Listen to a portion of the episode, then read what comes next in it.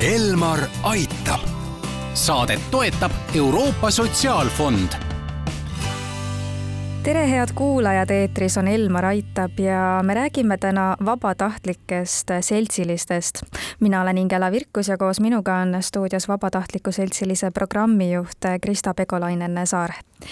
esmalt äh, palju õnne, te saite ju hiljuti Eesti Sotsiaaltöö Assotsiatsiooni poolt äh, tunnustatud kui sotsiaalvaldkonnas uue kategooriana aasta ennetustöö tiitli. mida see teie jaoks tähendab ja, ja mis programm on siis Vabatahtlik Seltsiline?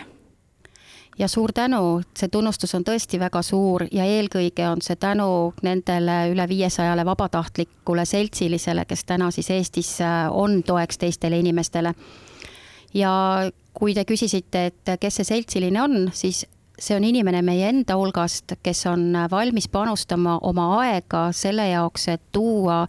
head tunnet siis äh, eakatele inimestele, erivajadustega täiskasvanute inimestele, kes äh, võib-olla mingitel põhjustel on jäänud äh, üksi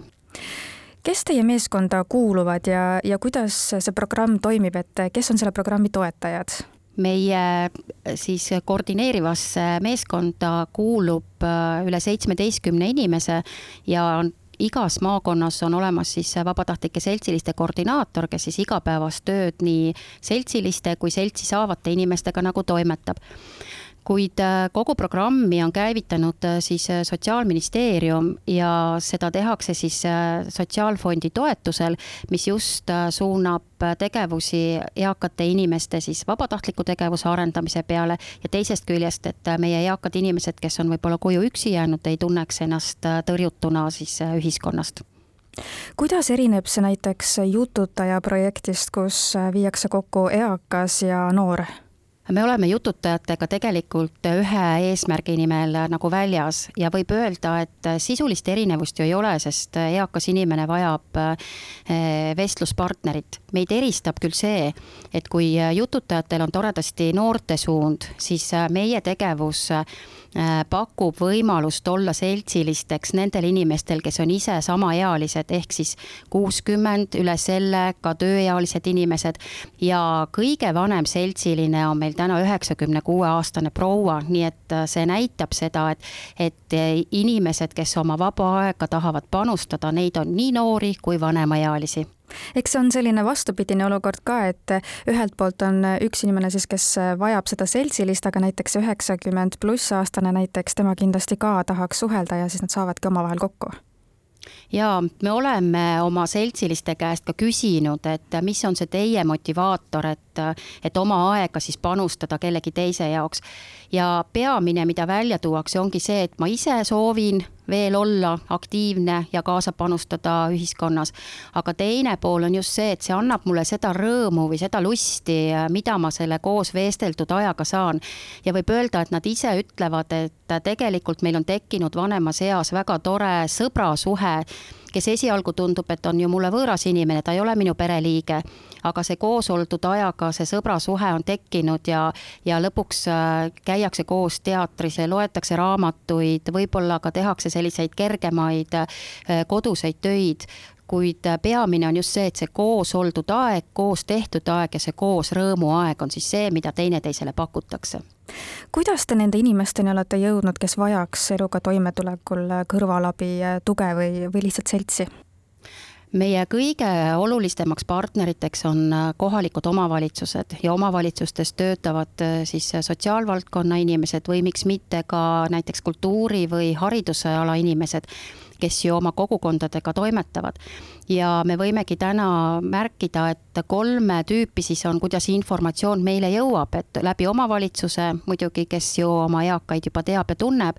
aga lisaks ka siis äh, sellised kogukondlike tegevuste kaudu, kus on ta külaselts või asumiselts või eakate ühendus, kes ütleb, et äh, meie tahaksime ka kaasa aidata. ja kasvanud on ka see pool, kus perekonnad ise võtavad meiega ühendust ja just selles äh, vaates, et kui noorem põlvkond on tööl ja tema nii-öelda see eakas inimene on päeval kodus et siis äh, nad paluvadki, et kas seltsiline saaks just päeval tulla, sest me näeme seda, kuidas minu ema või isa või eakas sugulane on päeval ilma vestlus- või suhtluspartnerita. ja, ja see aitab temalgi sellist rõõmu tunda, et kui inimesed õhtul töölt tulevad, et siis ka tema rõõm on suurem ja, ja see vestlus, mida päeval on tehtud, ka sisukam kuidas te aga seltsilised leiate või näiteks kui keegi kuuleb nüüd meie intervjuud ja tõesti tahaks väga ise kuidagi panustada ja seltsiliseks hakata, kuhu ta pöörduma peaks või kuidas ta saaks vabatahtlikuks seltsiliseks? Korra juba mainisin, et meil on igas maakonnas äh, siis olemas äh, koordinaatorid, kellega saab kenasti ühendust võtta. ja meie tegevuse kohta kõige kiiremini saab informatsiooni siis kodulehekülje seltsilised.ee kaudu, kus on kenasti kõik kontaktid äh, kirja pandud, aga samas, kui inimene ei kasuta arvutit, siis ta võib helistada oma kohalikku omavalitsusse ja, ja küsida sealt nii-öelda kontakte, sest omavalitsused on ju meie tegevustest teadlikud ja need, kes nüüd kuulevad, et tahaks ise nagu võib-olla panustada ja, ja me väga ootamegi neid panustajaid, siis meie kodulehekülje peal on olemas ka kohe selline väike teadaandmise vorm, et selle võib ära täita ja juba siis meie koordinaatorid võtavad inimesega ühendust, saavad vestelda, saavad rääkida, selgitada, mida vabatahtlik tegevus äh, ja seltsilise tegevus endas sisaldab ja siis juba saab otsuse teha, et äh, ja liituda meie tegevusega millega seltsiline veel arvestama peaks, et tõenäoliselt on tal ju oma pere, lapsed, ta käib tööl, et kui palju kõigele selleks võib seltsilisena aega kuluda? Meie oleme vaadanud, et keskmiselt üks seltsiline siis panustab sellise kahe tunniga nädalas, et see on siis see, mida ta veedab koos selle nagu inimesega. ja võib-olla, millega tuleb veel natukene arvestada, on see, et me ka vestleme ja ikkagi ka küsitleme nagu inimest, et olla kindlad, et ühelgi Äh, siis äh, seltsiliseks soovijal ei ole ka selliseid äh, halbu kavatsusi, sest me teame, et sotsiaalvaldkond on selles osas hästi tundlik ja selline usaldus vabatahtlike osas on väga oluline. Ja mida veel võib öelda, et me omalt poolt ju ikkagi seltsilisele pakume ka siis sellist tuge, me anname täiendavat äh, sellist koolitust ja, ja võib-olla üks tore näide on ka see, et kui inimene on alguses seltsiliseks nagu tulnud ja, ja sellise kontakti inimesega leidnud ja osad meie seltsilised käivad ka näiteks hooldekodudes, siis see on võimalus ka vaadata, et äkki see karjäärimuutus tuleb siit hoopis kaasa ja nii mõnedki seltsilised ongi pärast sotsiaalvaldkonna tööle siirdunud